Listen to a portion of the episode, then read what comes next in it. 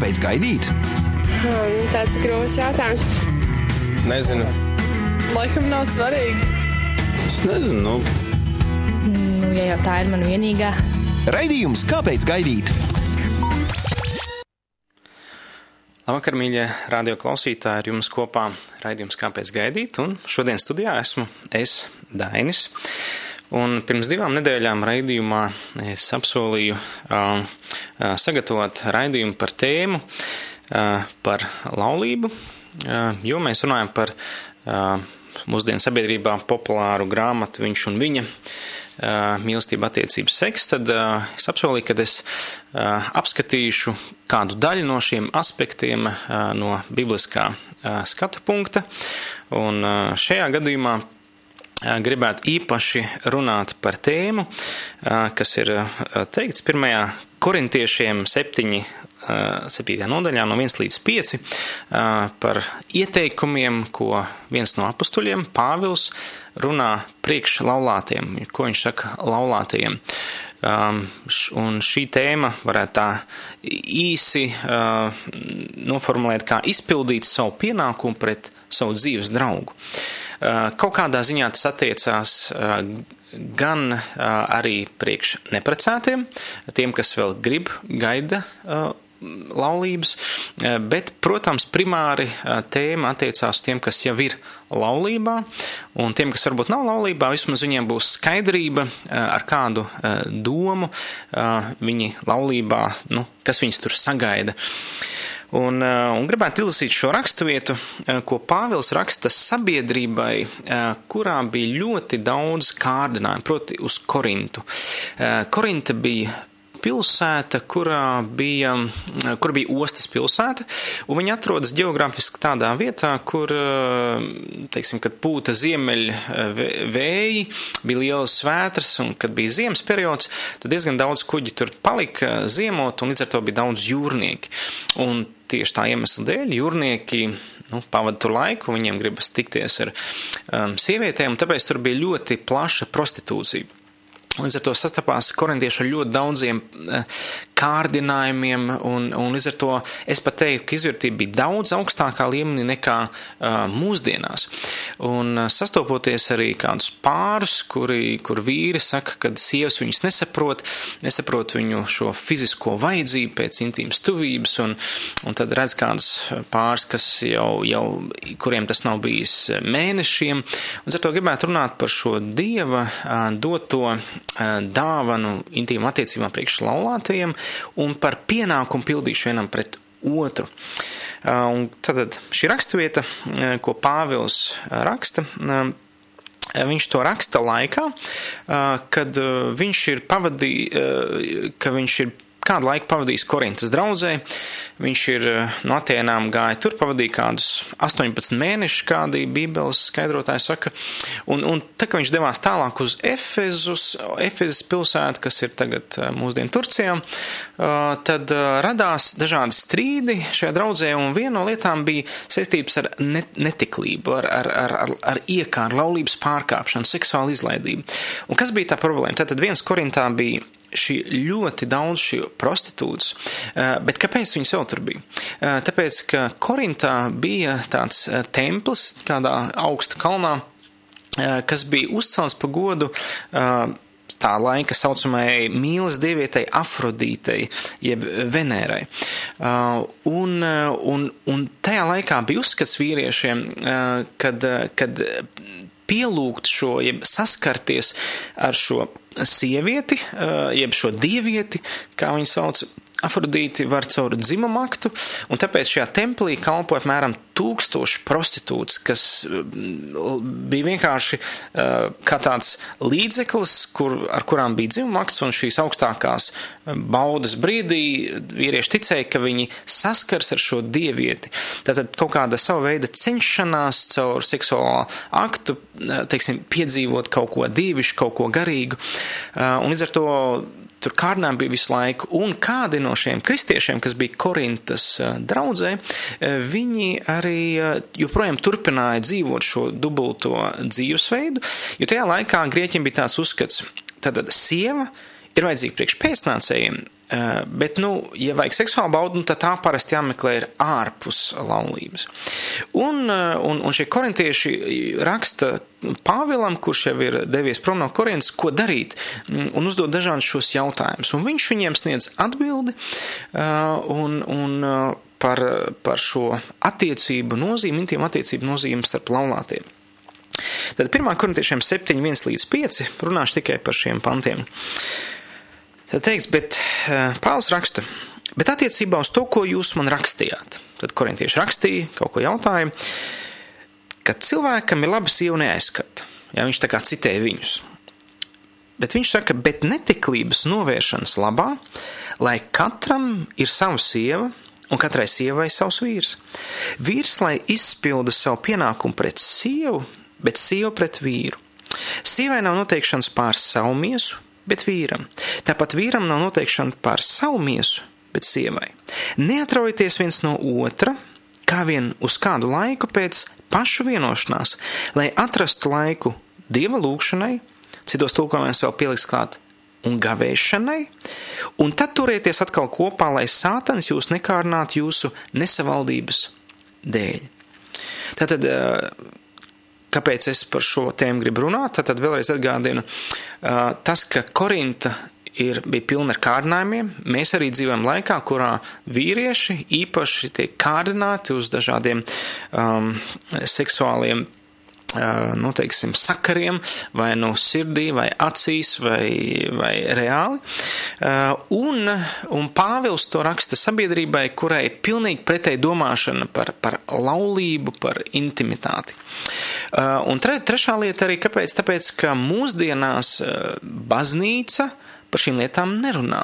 Mēs, eh, un, un Dievs, kurš radīs intīmas attiecības, mēs ļaujam, teiksim, cilvēkiem, kuri varbūt svētos rakstus nav lasījuši un nesaprot, viņiem pateikt, ot, kādas ir intīmās attiecības. Uh, taču es domāju, ka pirmkārt Dieva bērniem vajadzētu būt tiem, kas stāsta, kas tad ir un kam viņas ir domātas un, un kādi ir Dieva nosacījumi tam, lai viņas tiešām strādātu, lai viņas tiešām atnestu to pilnīgo piepildījumu, ko Dievs ir paredzējis.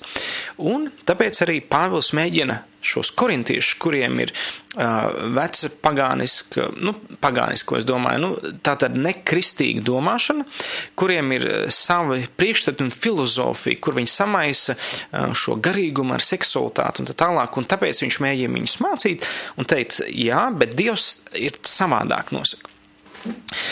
Līdz ar to viņš raksta šo vēstuli, un, un principā visa pirmā vēstule korintiešiem ir kā atbild uz dažādiem viņu jautājumiem. Un, un ja sākumā viņš runā par to, ka bez dieva mēs nevaram saprast nekādas lietas, mums vajag svēto garu, lai saprastu, ko Dievs mums ir dāvājis. Un, un te viņš min, ka visas dzīves pamats mums cilvēkiem sākas, kad mēs iepazīstam uh, Dievu caur Dievu dēlu Jēzu Kristu, un tad viņš pieķers uh, tēmām, kur viņš aizstāv savas apstuļu tiesības, un tad viņš sāk arī runāt par tēmu seksuālas attiecības, sākot no sestās nodaļas. Un viņš runā par to, ka uh, mūsu ķermenis, jeb miesa, patiesībā tā ir jātur godā, jāciena. Uh, jo tajā laikā grieķi ļoti nicinoši izturējās pret savu miesu, ka tas bija kaut kas slikts, uh, pat ļauns, un, pat, un tas aizveda divās lietās. Vai nu miesa ir tik slikta, ka nu jāļaujas tad viņas visiem instinktiem, bez ierobežojumiem, tā skaitā arī laulības pārkāpšanas, tādas lietas, ka tas nelikās nekāds grēks, tas bija norma. Eh, un otrs grāmatas bija tas, kad, eh, kad nu, miesa ir tik eh, tāda, tāda vāja un visu grib iekārot, kad labāk vispār neaizskart sievietes un, un, un, ne, un, un ar viņām neveido šīs intīmas attiecības, tā skaitā ar, ar savām sievām. Un ar to Pāvils saka, nu, jūs man rakstījāt, cilvēkam nav labi sievu aizskart. Tur lietots vārds, kas patiesībā apzīmē, nav labi ar sievieti veidot intīmas attiecības, konkrēti ar sievu. Viņš saka, bet, bet es jums saku, neteklības novēršanas labā, lai katram ir sava sieva un katrai sievai savs vīrs. Tātad viņš saka, tomēr dieva princips ir tāds, lai nebūtu šī neteklība, šis grēks, kas ir, grēks ir neredzama lieta, bet viņš atstāja redzams, jeb, tā, mm, garīgas lietas nav redzamas, bet var, mēs piedzīvojam to sekas un pārkāpjot šo dievielikto principu, principu, uzticību laulātiem partnerim, notiek kaut kas garīgajā pasaulē, kas mūs aptraip, kas mūs, mēs pazaudējam, kā, kā cits saka, antropologi, um, ētikas protonormas, tās, kas vērtības, kuras nedrīkst izmainīt, kuras ir ieliktas nemainīgas, tāpat kā fiziski likumi. Tos mainot, viss grūst attiecības un tā tālāk. Līdz ar to arī šī uzticamība laulībā var tikt saglabāta, vai nešķīstība, izbēgšana no nešķīstības, no dažādām seksuālām izvērtībām, izēja ir, kā viņš saka, ir vai nu laulība, vai dieva dāvana palikt vienam neprecētam. Bet tam jābūt tādai dieva dāvanai, kad nemaz to neprasās. Bet principā viņš saka, bet dieva nodoms ir laulība. Tātad laulības mērķis ir ne tikai divu cilvēku savienība, ne tikai uh, derības attiecības, patiesībā arī glābiņš no seksuāliem kārdinājumiem. Līdz ar to, ja tas ir glābiņš, tad Tātad laulībā seksuālām attiecībām ir ļoti īpaša un svarīga nozīme, kas ir dieva ielikt. Um, un ar to Pāvils šo vēsti raksta, uh, kā jau teicu, korintiešiem, kuriem ir uh, tā sapratne, ir, uh, kā jau teicu, tāda sievas ir priekš bērniem, bauda, nu, ja vispār ir bauda, nu, tad to parasti meklē ārpus laulības. Līdz ar to ir vēl pēc kādas tādas ārpus attiecībām, ārpus laulībām. Un, un arvien vairāk, vairāk es dzirdu, kad arī vīriešiem nepietiek ar sievu, viņi vai nododas pornogrāfijas grēkam, vai kā mums latviešu kultūrā ir ļoti līdzīga domāšana starp daudziem cilvēkiem, ir vajadzīga mīļākā. Lai kaut kā uzlabotu, kaut kā vajag mīļākā. Padomāsim nedaudz par šo ideju. Tātad sievietei kaut kas pietrūkst, vai vīrietim kaut kas pietrūkst, un vajadzīgs kādu ārpus laulības cilvēku, kas it kā piedod uguni.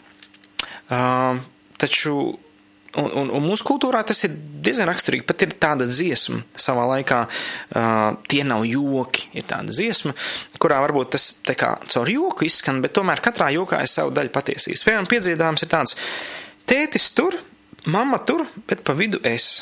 Ja to saka kāds bērns. Kā lai salīmē kopā šīs pusītes? Varbūt vajag, lai tēvs reiz uzpīpo un mammai mīļāko.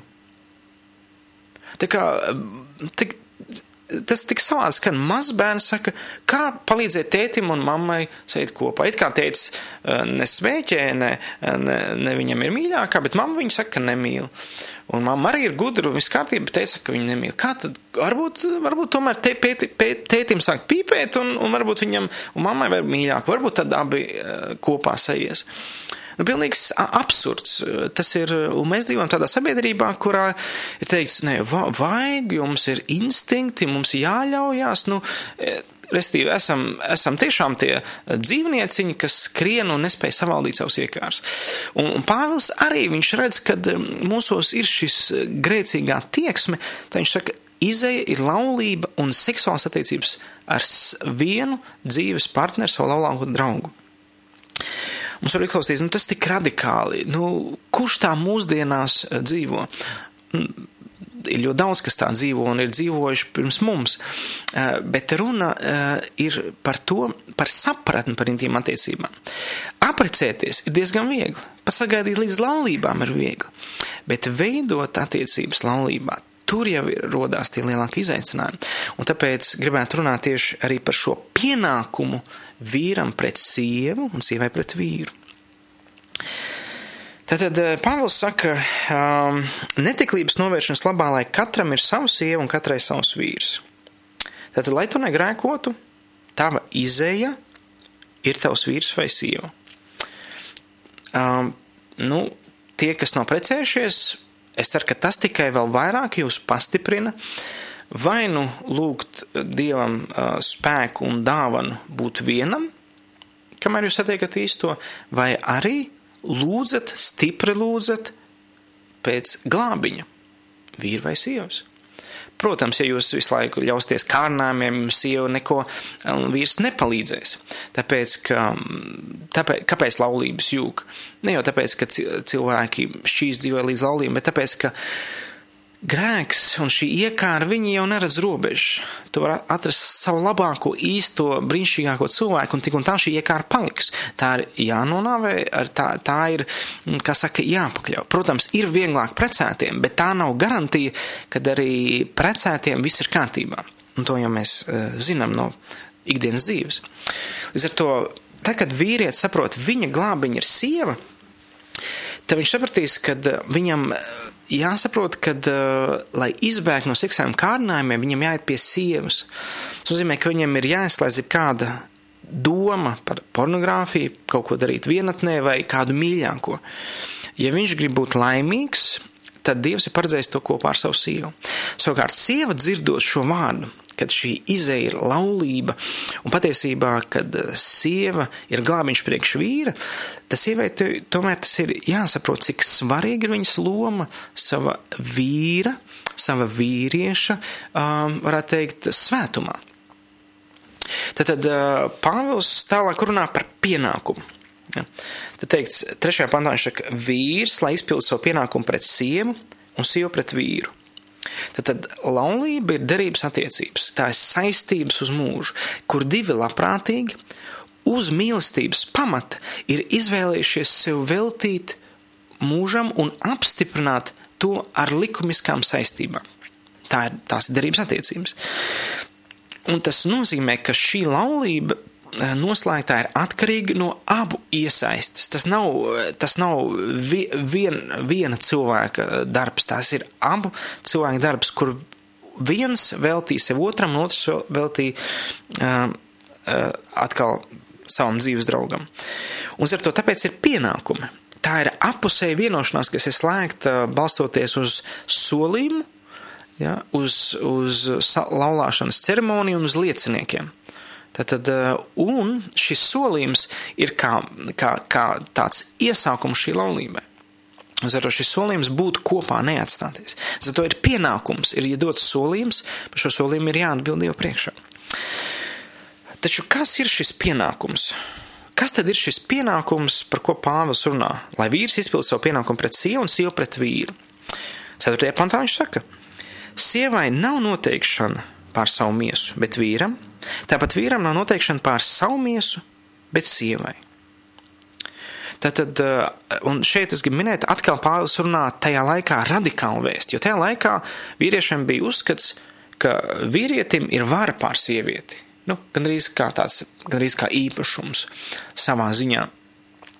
Uh, taču šeit Pāvils saka, vīri, jūsu miesa nepieder jums, bet sievai. Ja? Bet sievas miesa pieder vīram. Tad, tad pie, kontekstā viņš runā par pienākumu, par seksuālu, kā seksuāli apmierināt savu dzīves draugu. Un es, gādien, es runāju par to, tāpēc, ka baznīcās par šīm lietām maz runā, tāpēc es uzskatu, ka, ir pienācis laiks par to runāt, jo pārāk daudz ir problēmu kristīgās laulībās. Ļoti daudz. Strādājot kā, kā garīdznieks, uzklausot šīs rietas, šīs sūdzības, kad sieva jau man nesaprot, viņa jau, kā saka, nezina manu vajadzību, līdz ar to tāpēc es varēju par to runāt, kad, kad ir prasība sievām, rūpēties par vīra seksuālu apmierinājumu. Un, un protams, rodas jautājums, ah, tātad tagad vīram ir tiesības nākt pie manis, ņemt man miesu un lietot. Nē, tā ir tāda cilvēktiesība, ja patērētāja domāšanas attieksme. Tas, ko Pāvils mēģina uh, pateikt, kaut kas cits, jo savādāk, tad tā, man tev ir jāizpild, man pieder tava miesa, nāc, es, kā saka, tevi ņemšu. Um, tad jau Bībele principā bezmazliet ierosina vardarbību. Nē, nav runa par to. Tas, kas tur ir teiks, ir tas, ka vīrs nedrīkst rīkoties ar savu miesu neatkarīgi no sievas. Tad viņš nedrīkst ar savu ķermeni darīt to, ja sieva tam nepiekrīt. Ja? Tad sievai ir noteikšana, viņai jāpiekrīt, ja vīrs to grib darīt. Ja? Tas varētu būt saistīts ar, ar, ar, ar, ar pašapmierināšanos, ka nevar vīrs pakluso, ja sieva nezina. Jo sievai pieder autoritāte. jo viņ, tad viņš ir konfliktā ar Dieva uh, svētiem rakstiem. Ja? Uh, un tieši tas pats arī ar sievu, kad um, sieva nedrīkst rīkoties ar savu miesu neatkarīgi no vīra. Tātad ir vairāk runa par apusēju vienošanos un saskaņošanu. Tātad, ja vīram ir vajadzība fizioloģiski un kādi, nu, teiksim, uh, ir pētījumi, kas saka, ka nu, 72 stundas ir apmēram tas laiks, kad vīrietim, nu, var, īpaši viņam bijuši regulārs intīmas attiecības, jau laulībā, ka viņam prasās pēc šīs fizikālās izlādes, šīs seksuālās enerģijas izlādes, jo tas ir saistās ar to, ka saražojas um, šie spermatozīdi, kas, kuri, kuri prasās pēc izlādes. Un ar to sievai ir pienākums šo vīru, teiksim tā, atbrīvot no šīs spriedzes. Un ar to, un savukārt, kad sievai ir vajadzība, tad vīram ir pienākums arī savu sievu apmierināt. Tas nozīmē, ka fokusam jābūt ir uz otru, nevis uz sevi. Tad, un, un tam jābūt ir sas, saskaņot, tam jābūt apusējai piekrišanai, bet arī sapratnei. Un ar to tad, tad vīrs atbildēs par to, kā viņš mīlēja sievu, sieva atbildēs Dievam par to, kā viņa paklausīja savam vīram. Uh, sievietes ir savādāk uh, veidotas kā vīrieši fizioloģiski. Sievietēm nav tik liela, teiksim tā, uh, va vajadzība pēc tā. Vīrietim ir biežāk, un līdz ar to sievietēm jāsaprot, ka, ja jūs esat precējušās, jums ir vīrietis, kam varētu teikt, tā ir fizioloģiska uh, vai, vajadzība. Un, un, un, ja viņš nav precējies, tad Dievs uh, to ir paredzējis, ka tas not, notiktu šī, varētu teikt, tā sēklas uh, noplūda, kā arī Bībele min šādu terminu notiek vai nu sapņos, principā sapņos un tā tālāk. Bet, bet laulībā tā nevajadzētu būt. Un, un, jo Pāvils tālāk arī saka, neatraujieties viens no otra, neatrodoties viens otram, kā vien uz kādu laiku pēc pašu vienošanās. Lai atrastu laiku dievu lūgšanai un tad turēties atkal kopā, lai sātans jūs nekārnātu jūsu nesavaldības dēļ. Tad neatraujieties, tur lietots vārds apostereo. Tātad stereo mēs zinām, ja, tātad, kad mēs klausāmies maģīti, stereo abās tumbās skan. Mono ir skan tā kā viens. Nu, tehniski vēl pat dziļāk varētu par to runāt. Bet katrā gadījumā, ko Pāvils saka, nekļūstiet par mono, nekļūstiet par solistu savās attiecībās. Esiet duets, esiet komanda. Jums jābūt ir vienotiem. Jo tur, kur viņš saka, sievai noteikšana par savu miesu, bet vīram, un vīram noteikšana par savu miesu, bet sievai, ir lietos vārds grieķu valodā soma kas nenozīmē tikai tīri ķermenis, patiesībā tas nozīmē arī dvēsele un gars. Tātad Ko tas nozīmē? Tas nozīmē, ka arī vīram uh, ir, ir dvēsele un sajūtas. Tas nozīmē, ka arī viņš nevar vienkārši domāt un fantazēt par citām sievietēm. Vai sievietei viņi nevar fantazēt par citiem vīriešiem.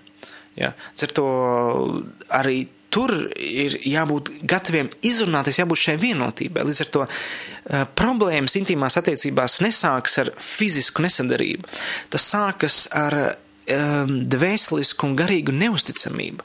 Un parasti vīrieši nodod šim netiklības grēkam, ir tā, ka viņi nav uzticami Dievam. Un ar to arī garīgi viņiem jābūt ir uzticamiem Dievam, viņiem ir jābūt garīgi piepildītiem.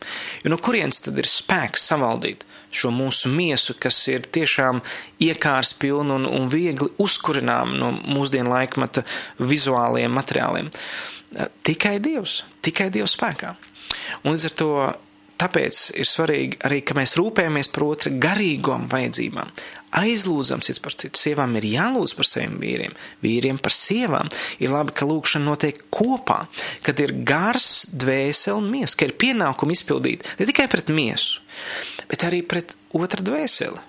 Kā sieva jūtās, kas viņai ir svarīgi, palīdzēt viņu uzklausīt. Sievai jāuzklausa vīra dvēseli, kā vienkārši pajautāt, bieži vien, kā iet tavai dvēselē, kā man viens mīļš brālis saka, kā iet tavai dvēselē. Nu, pajautāt, parunāties, izstāstīt, radīt šo um, vienotību, cilvēcisku vienotību. Un tad ir ļoti svarīga šī garīgā vienotība. Jo parasti mēs kaut kur kļūstam tik garīgi, ka mēs miesu, ai, fuj, tas ir pretīgi, tu esi izvirtūs, tu tikai gribi seksu. to pašu miesu, par kuru Pāvils saka, tas ir Dieva templis, Dievs ir radījis, mēs sakam, fuj, tu esi izvirtulis. Izvirtulis ir tas, kurš grib kādu citu. Bet, ja vīrs grib savu sievu, viņu nedrīkst saukt par izvirtuli. Jo tā, tādā gadījumā uh, mēs apkaunojam Dievu. Mēs sakām, Dievs, tas ķermenis un tas, tas vīrišķais, kas viņā ir, tas vispār ir pretīgs. Jūzvērts nozīmē ārpus ārpus pareiziem standartiem. Bet Dievs ir radījis vīrieti ar, ar vēlmi gribēt toties savai sievai. Uh, savukārt, ārpus laulībām, tad var teikt par izvirtuvi. Jā, izvirsts no, tad, aiziet prom no uh, Dieva standartiem. Bet, ja vīrs grib savu sievu, tas ir Dieva pagodinājums. Tas ir die, paklausība Dieva pavēlē. Bībeli pat saka, augļoties un vairojieties. Līdz ar to sievas nekad nesakiet sievam izvirtos, ja viņš grib ar jums intīmas attiecības. Tad jūs grēkojat pret Dievu. Tas ir mans personīgais uzskats. Uh, un, un līdz ar to arī otrādi. Vīri arī nedrīkstētu atraidīt savu sievas, ja viņas grib mīļumu, ja viņas grib tuvumu. Jā. Jums, ir, ir, jums, ir jā, jums ir pienākums pret uh, savu laulāto draugu. Un šīs lietas ir vienmēr jāizrunā. Uh, gribu arī atgādināt tiem, kas nav laulājušies, pienākums pret uh, uh, otru tātad pret savu dzīves draugu miesu, jeb, jeb varētu teikt tā, tātad, ja tavam dzīves draugam kādreiz piederēs tavu miesu, kas tev ir tagad, tad tev ir pienākums to tagad glabāt svētumā un šķīstībā. Nedot tam, kas nav tavs vīrs un sieva. Tātad arī pirms laulībām ir savs pienākums pret dzīves draugu. Taupot sevi, sargājot sevi, sagaidot to, kuram kuram to būsi gatavs dāvāt. Tas ir arī ļoti, ļoti svarīgi. Tad, tad Pāvils saka, neatrojieties viens no otra. Tas nozīmē regulāri veidot intīmas attiecības. Tad ne, ne, nekļūsties šis, netiekat atdalīt, esat šis stereo, esat tas, kas kopā dara lietas. Tad, tad, tad principā Pāvils saka, veidot intīmas attiecības visu laiku un regulāri, lai Sātanam nav iespējas teiksim, nākt un kādināt jūs nesavaldības dēļ. Tad, tad, eh, lai viņam nav iespējas iesprāgties starp jums, jūsu nesavaldības dēļ. Jo viņš zināja, ka Korintā ir milzīgi daudz kārnām. Viņš bija norūpējis par šiem kristiešiem, kas izgāja ārā ielās, un, un tur ir pilns ar šiem piedāvājumiem. Ne tikai vizuāli, bet reāli. Reāli piedāvājumi. Uh, Interesanti, kad, eh, kad eh, ir eh, ASV mācītājs tāds Tims Česters savā grāmatā Evanģēlī centrēta laulība, viņš saka tādus vārdus: Izvēlēties seksuālu neaktivitāti ir tikpat nepareizi, cik izvēlēties seksuālu aktivitāti ārpus laulībām. Tad izvēlēties būt seksuāli neaktīvam, ja pasīvam, ja neveidot intīmas attiecības, ir tikpat nepareizi, cik izvēlēties seksuālu aktivitāti ārpus laulībām. Tad, ja sieva saka vīram, kāpēc tu tur iekāro, kāpēc tu uh, skaties uz citām, tad jautājums ir, vai tu izpildīji savu pienākumu pret savu vīru? Vai viņš redzēs tevi visā daļumā, skaistumā? Tu esi viņas, uh, viņa acu jaukums. Ļauj vīram priecāties par to daļumu, kas tev ir. Tā ir, uh, es domāju, ka tā ir Dieva griba. Jo vīrieša acis ir savienots ar vairošanās sistēmu. Tikko viņš ierauga sievietes daļumu, uh, iedarbojas vairošanās sistēma. Ja? Līdz ar to sievai ir pienākums demonstrēt sev vīram, piedāvāt sev vīram, pat ja nav garstāvokļa. Tas ir pienākums. Vīram tas vajadzīgs. Taču es atgādinu, tam nav jābūt ar smagumu, tam jābūt ar sapratni, ar to es kalpoju Dievam. Ar to es paklausu Dievam, jo Bībele saka, vī, eh, sievas paklausiet vīriem kā tam kungam, tāpat kā Dievam. Ar to, ne, jā, vīram gribās, jūs to nesaprotat, varat viņu saukt visādos vārdos, bet nesaucat, tas nav pareizi, jo jūs tikai viņu vēl vairāk atstumjat, un, bet, eh, bet saprotat, ka jūs kalpojat to Dievam. Jūsu vīrietim ir vajadzīga jūsu, jūs. Esiet atvērtam. Jūs to paklausīsiet Dievam. Līdz ar to vienīgais iemesls, ko Pāvils saka, kāpēc varētu pateikt vīram vai sievai nē, intīmām attiecībām, ja jūs esat abi vienojušies uz laiku atrast uh, vēlmi, atrast laiku dieva lūgšanai un, kā es minēju, arī gavēšanai citos tulkojumos. Tātad tikai uz laiku, kad abi vienojās, ka tagad mēs nodosimies lūkšanai, gavēšanai. Mēs intīmas attiecības atliksim uz brītiņu. Un tam es nedomāju, ka, ka tam jābūt ļoti ilgam laikam. Nu, cik ilgi jūs lūgsiet un gavēsiet? Nu, bet, bet tomēr esiet, esiet gudri. Kāpēc lūkšana un gavēšana? Tāpēc, ka gavēšana, šis vārds gavēšana saistīts vārdu neēstis, grieķu vārds, kas saistīts ar neēšanu, tomēr primāri, principā lielākā daļa gavēņu ir, nu, tā ir tā bāze, neēst. Ja, protams, tas nav tikai neēst fiziski, bet arī, protams, tas nozīmē arī papildus ēst garīgi, bet tas nozīmē, um, kad, kad mēs atsakāmies no barības, mūsu ķermenī ķermenis interesanti reaģē. Viņš atslēdz vienu no tādiem instinktiem, ja samazinās strauji šis instinkts uz vairošanos, jo izslēdz dzīvības saglabāšanas instinkts. Tas ir tomēr tāds arī stresains laiks, un, un cilvēki gavēņa laikā, ja viņi pilnīgi atsakās no ēdiena, var būt stresaini, uzvilkti. Uh, protams, ja viņi garīgi meklē Dievu, tad svētais gars var dot mieru un piepildījumu. Bet, bet, bet ir šī cīņa, mēs esam bioloģisks arī būtnes. Un, un, un, un līdz ar to Gavēnis ir jā, tas veids, kad var tiešām šis seksuāls instinkts būt vieglāks uh, savaldāms. Un tiem, kam ir seksuālas atkarības vai tādas lietas, gavēnis būtu pat ieteicams cīņā ar šo, um, ar šo grēku. Un līdz ar to nosacījums laulībā un gavēšanā. Bet nekur Pāvils nesaka, ka uh, atsakieties no īpašām attiecībām pirms dzemdībām, vai pēc dzemdībām, vai kad ir menopauze, viņš par tādām lietām nerunā. Tas nozīmē arī, kad ir šādi grūtie periodi, kad sieviete ir vai nu pirms dzemdībām, vai pēc, vai ir šī menopauze iestājusies, mm, tomēr ir kaut kādā veidā jātiek ar šīm lietām galā. Ja, tomēr ir dažādi, dažādi mīlestības pieeja, es domāju, veselīgās robežās, kur sieviete var kalpot savam vīram vai vīrs savai sievai. Tad kādi tie pienākumi? Tātad primāri pienākums pret vīru sievu nozīmē apmierināt otru seksuālās vajadzības. Otrais, tad tas tomēr nedarbosies, ja nebūs izpildīts pienākums pret otra dvēseles vajadzībām. Ja? Savukārt, dvēsele var palikt tukša, ja nebūs apusējas rūpes par garīgām vajadzībām, lūkšanām viena par otru, kopīgām lūkšanām. Tas ir ļoti, ļoti svarīgi. Uh, uz ar to intīmu attiecībām mēs varam redzēt tādas četras funkcijas. Uh, un, un, un viņas, uh, viņas visas ir uh, svarīgas. Tātad intīmas attiecības pēc svētiem rakstiem ir paredzēts laulībai, kad ir slēgta droša derība, ka abi ir vienojušies piederēt viens otram un, uh, un, un palikt kopā. Tāda viena funkcija, protams, ir vairošanās, pavairot dzimumu. Otrā funkcija ir salīmēties, kļūt par vienu miesu. Un Pāvils arī teica, neiet pie tām prostitūtām Korintā. Jūs esat viena miesa, to jūs grēkojat pret savu ķermeni.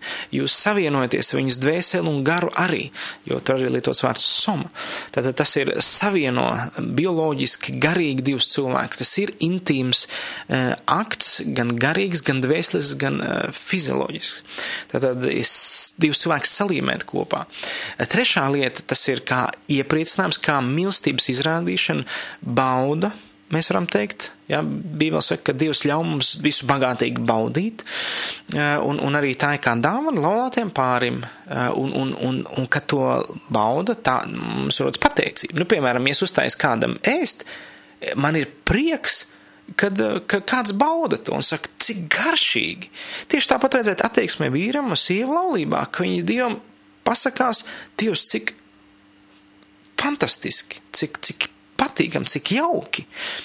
Un, un līdz ar to es zinu, ka daudziem īpaši padomu laika cilvēkiem tas ir, uh, jūs nevarat to saprast, uh, bet nu tajā laikā par to nerunāja. Jā, ner, un, bet, bet mēs dzīvojam laikā, kur mēs varam tomēr paskatīties šīm lietām tā kā Bībele skatās, nevis kā mana pieredze skatās vai kā skatās sabiedrība, bet ko saka svētie raksti.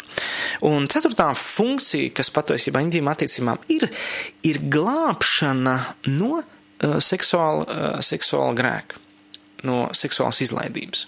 Ja? Līdz ar to Pāvils saka, tāpēc, lai katram savu sievu netiklības novēršanas labā. Uh, līdz ar to kāds varbūt saka, nu, vai tad Dieva vārdā ir tik daudz par šo intimitāti?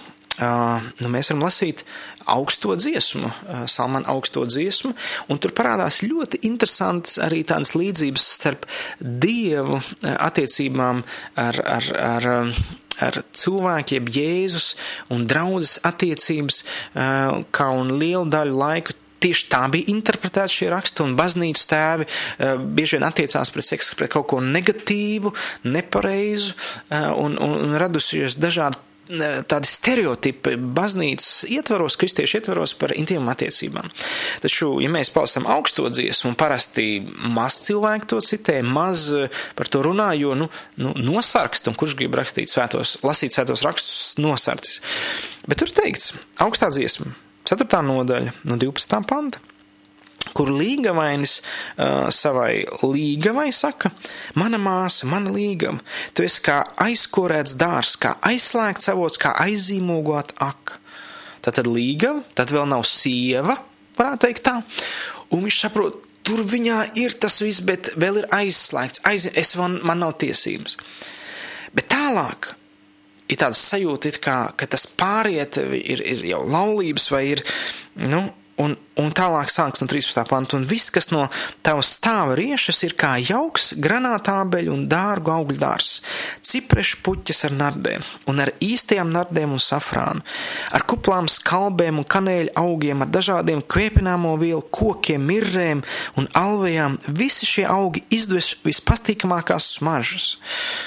Un tad viņš saka, no 15. panta, tu esi kā dārs avots, dzīvo ūdeņu izteka un kā strauti, kur plūst no Libanona kalniem. Un, un citur Bībele saka, dzeriet ūdeni no savas akis, jeb no savas sievas, baudiet to prieku no savas sievas, no savas dzīves draudzenes. Un tālāk 16. pantā ir teikts, mosties ziemēl, traucies dienvidvējš un drāzies ar sparu cauri manam dārzam, lai pil uz visām pusēm tajā esošo augu, rasojušās spēcīgās smaržas, lai mans draugs nāk savā dārzā un bauda no tā dišsiltīgiem augļiem. Tātad uh, mēs varam dzirdēt intīmu pieskaņu uh, Bībelē, svētajos rakstos. Un es to nerunāju kādu tādu pretīgu pieskaņu, bet ar skaistumu, ar svētu skatu uz šo lietu. Un tālāk ir interesanti, ir teikts pirmajā pantā, pantā kur līgavaini saka, es esmu ienācis, mana māsa, man mīļā līgava savā dārzā. Es plūcu savus mirres un savu balzām, un es ēdu zeltaino medu no savas medus kāres un tā šūnām, un es dzeru savu vīnu līdz ar pienu. Ēdiet, un tālāk ir tāds interesants, ka kāds no malas uh, saka, Ēdiet, mani mīļie, un dzeriet, mani draugi, priecājieties mīlestībā, noreipstiet labsajūtā. Ir kāds bībeles komentātors, kas saka, iespējams, ka varbūt to pat saka Dievs šiem abiem laulātajiem. Priecājieties par šo dāvanu, izbaudiet to. Līdz ar to seksuālas attiecības laulātiem ir Dieva dāvana, kas ir jābauda, kas ir jādod viens otram regulāri un nepārtraukt to darīt, kā tikai pēc apsēs vienošanās jūs gribat lūgt un gavēt. Ja kāds varbūt saka, bet tas vai tad seks nav kaut kas riebīgs, vai tad baznīca par to nedomā, Bībele tā nesaka. Bībele pat saka pretēji. Tas, kurš saka, ka seks ir riebīgs, iespējams, ka viņš ir maldu mācībā. 1. Timotejam 4.1 ir teikts, gars skaidrs saka, ka vēlākos laikos daži atkritīs no ticības, pieķerdamies maldu gariem un dēmonu mācībām, padodamies melkuļu liekulīgiem vārdiem, kam pašu sirdsapziņa kaunzīme iededzināta. Tie aizliedz doties laulībā, pavēl atturēties no barības vielām, ko Dievs ir radījis, lai tic ticīgie un patiesības atzinēji saņem tās ar pateicību, lai būtu pateicīgi par laulību, būtu pateicīgi arī par intimitāti laulībā. Jo katra dieva radība, tā skaitā intīmas attiecības, ir laba, un nekas nav atmetams, ko saņem ar pateicību. Jo svētumu tam piešķir Dieva vārds un lūgšana. Ja dievvvārdā teikts, intīmas attiecības ir labas, tās ir labas. Ja par to lūdz, un tas notiek dievbijībā, mīlestībā, tas ir fantastiski. Ja mēs par to pateicamies, mēs pagodinam Dievu. Ja kāds te varbūt ir caur šīm attiecībām salauzis, ja kāds tev ir caur intīm attiecībām tiešām izmantojis, es to zinu, ja es nācis, lai palīdzētu tev dziedināt, dziedināt tavu sirdi, Tāpēc neļauj, lai pagātne sabojā to skaisto dāvanu, ko Dievs paredzējis. Atnes Dievam savu sāpi. Piedod tiem cilvēkiem, kas tev ir darījuši pret tavas piekrišanas. Piedod, ja tavs dzīves draugs ir kaut kur pārkāpis laulību. Lūdz Dievam piedošanu, ja tu neesi bijis uzmanīgs pret savu dzīves draugu intīmām vajadzībām. Tā ir tava atbildība pieskatīt otru, atbalstīt otru dod, kas viņam nepieciešams. Un lūdziet par šīm attiecībām. Lūdziet, pateicieties, slavējiet Dievu. Un kāda uh, sieva savā laikā ir teikusi, būt svētā gar piepildītam laulības gultā ir tikpat svarīgi kā liecināt kādam par Jēzu Kristu. Izaicinoši vārdi, bet tiešām, vai tad bez svētā gara mēs varam patiesi, bez, mīlst, bez iekārs mīlēt? Ir ļoti grūti. Tāpēc turēsim laulības gultu svētu, mīlēsim, pagodināsim Dievu ar šo dāvanu. Lai Dievs palīdz ikvienam laulātam pārim, ikvienam, kas neprecējies, taupīt šo dāvanu laulībā. Lai Dievs svētī, šis bija raidījums, kāpēc gaidīt. Tiksimies atkal pēc nedēļas. Alavakar! Šis bija raidījums, kāpēc gaidīt. Klausies to katru otrdienu, pulksten 18,5 minūtēs Latvijas kristīgā radio ēterā vai arī jebkurā tevērtā laikā internetā www. īsta mīlestība gaida LV.